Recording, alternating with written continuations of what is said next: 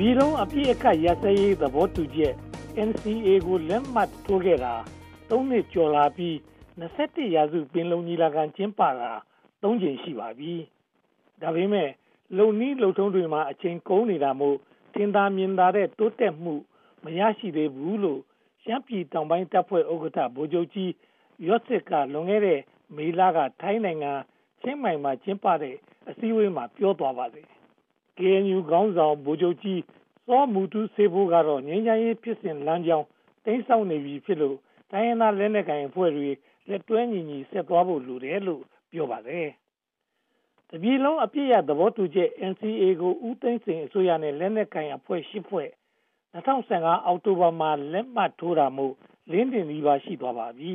။ဒီအချိန်မှာမြန်မာပြည်မြောက်ပိုင်းမှာစစ်စင်ရေးအရှိန်အဟုန်မြင့်တက်လာလို့ စစ်ပြေးဒုက္ခတွေတိုးပွားနေပါလေ။ NCA အပြည့်ရစာချုပ်ရဲ့နောက်ဆက်တွဲအဖြစ်ပထမအကြိမ်မြောက်ပြည်ထောင်စုငြိမ်းချမ်းရေးညီလာခံကိုဦးသိန်းစိန်အစိုးရဆင်းမပေးမီ2016ဇန်နဝါရီလမှာကျင်းပပါတယ်။ဒါပေမဲ့ဒီညီလာခံဟာအထိမ်းအမှတ်သဘောသာဖြစ်ပြီးတကယ့်ညီလာခံကို NLD အစိုးရကကျင်းပမယ်လို့ဆိုပါတယ်။နောက်တော့မကြပါဘူး2016ဩဂုတ်လမှာဒုတိယပြည်ထောင်စုငြိမ်းချမ်းရေးညီလာခံကို 21ရာစုပင်လုံညီလာခံအမည်နဲ့ NLD အစိုးရက ကျင်းပပါတယ်။ပထမပင်လုံညီလာခံမှာပါတဲ့ ကချင်နဲ့ ရှမ်းပြည်နယ်မှာ အစိုးရတပ်က စစ်စင်ရေးလုပ်နေတော့21ရာစုပင်လုံအမည်သုံးတဲ့ကိစ္စကို တိုင်းသားဘက်က ဘဝင်မကြကြပါဘူး1949ပင်လုံစာချုပ်ပါဂတိကဝတ်အပေါ်မှာ အခြေပြုထားတာ မဟုတ်တဲ့ ညီလာခံကို ပင်လုံတစိမ့်တက်တဲ့ကိစ္စကို တိုင်းရင်းသားခေါင်းဆောင်တွေက စိုးရိမ်ပူပန်ကြတယ်လို့ Transnational Institute က အင်္ဂလိပ်မြန်မာ နှစ်ဘာသာနဲ့ ထုတ်ဝေတဲ့ ပင်လုံအလွန်ဆိုတဲ့49မျက်နှာ စာတမ်းမှာ ဖော်ပြပါတယ်။21ရာစု ပင်လုံညီလာခံဟာ2008အခြေခံဥပဒေအတိုင်း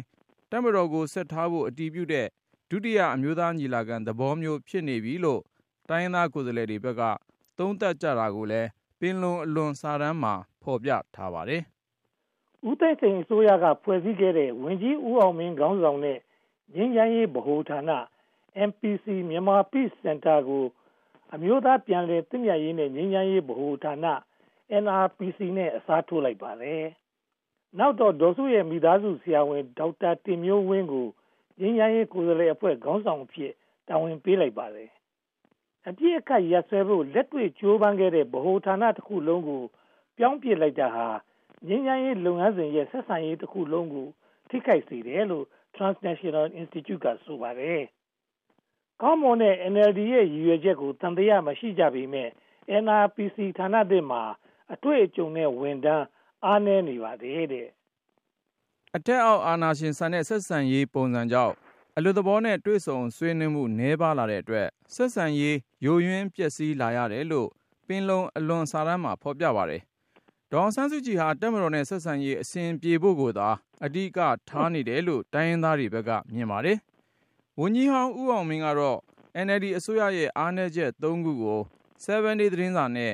2008စက်တင်ဘာ9ရက်နေ့က တွေ့ဆုံမေးမြန်းစဉ် ထောက်ပြသွားပါတယ်။ NLD အစိုးရမှာ Peace Policy အကောင့်ထဲပေါ်တဲ့အဖွဲ့နဲ့ လုပ်ငန်းအဖွဲ့ စတာတွေ မရှိတာကို ထောက်ပြပါတယ်။သမရဦးစီးတဲ့ ငြိမ်းချမ်းရေးကော်မတီ ဒုသမရဦးစီးတဲ့ ကော်မတီနဲ့ ဦးအောင်မင်းဦးစီးတဲ့ MPC ငြိမ်းချမ်းရေးဗဟိုဌာန စတဲ့ စင်ကဲစင်ကဲ တာဝန်ယူတာမျိုး NLD မှာ မရှိသေးဘူးလို့ ဆိုပါတယ်။ဒေါ်ဆန်းစုကြည်ဟာ အပေါ်ကအမိန်ပေးတဲ့အလုပ်ကို လုပ်တယ်လို့အောက်ပိုင်းဆင်းတဲ့အခါလဲဆင်းပါတယ်။အောက်ကိုဆင်းတဲ့အခါမှာ အချိန်ပြည့်မထိုင်နိုင်တာဟာ အားနည်းချက်ပဲလို့ ဆိုပါတယ်။နိုင်ငံခြားရေးဝန်ကြီးတာဝန်လဲယူထားတဲ့ ဒေါ်စုဟာ အင်မတန် အလုပ်များပါတယ်။ငင်းချမ်းရေးအလုပ်ကို အချိန်တိတ်မပေးနိုင်တာမို့ ဒေါ်စု စကားမှားသွားရင် ကဲမဲ့သူမရှိဘူးလို့ဥအောင်မင်းကရှင်းပြပါတယ်။ NLD မှာစင်ငဲတာဝန်ယူမှုအားနည်းတဲ့အတွက်အကောင့်ထဲဖို့အခက်အခဲရှိတယ်လို့ဆိုပါတယ်။ MPC လုပ်ငန်းအဖွဲ့မလိုဟာမျိုးမရှိတာဟာအားနည်းချက်ဖြစ်ပါတယ်တဲ့88မျိုးဆက်တွေဖြစ်တဲ့တင်မောင်တန်းအောင်နိုင်ဦးမင်းစော်ဦးညိုအုံးမြင့်စတဲ့ပုဂ္ဂိုလ်မျိုးတွေပါဝင်တဲ့လုပ်ငန်းအဖွဲ့မျိုးဟာအရေးကြီးပေမဲ့ NLD မှာမရှိဘူးလို့ဦးအောင်မင်းကဆိုပါတယ်။ နောက်ပြီးတော့ငញ្ញရေးကိစ္စမှာဆောင်ရွက်သူ player မပြောင်းဖို့လိုတယ်လို့ဆိုပါတယ်။အခုဖြစ်နေတာကတမတော်နဲ့တိုင်းရင်းသားလက်နက်ကင်ဘက်ကဆောင်ရွက်သူတွေဟာအပြောင်းလဲမရှိဇက်တိုက်လှုပ်လာသူတွေဖြစ်ပြီးအစိုးရဘက်မှသာအပြောင်းအလဲရှိတာမို့နှောင့်နှေးကြန့်ကြာနေရပါတယ်။ဒါပေမဲ့နောက်ပိုင်းမှာဒီထက်ပိုပြီးကောင်းလာလိမ့်မယ်လို့မျှော်လင့်ကြောင်းဦးအောင်မင်းကပြောသွားတာကိုမနစ်ကထုတ်တဲ့7 day သတင်းစာမှာဖော်ပြထားပါတယ်ခင်ဗျာ။ Música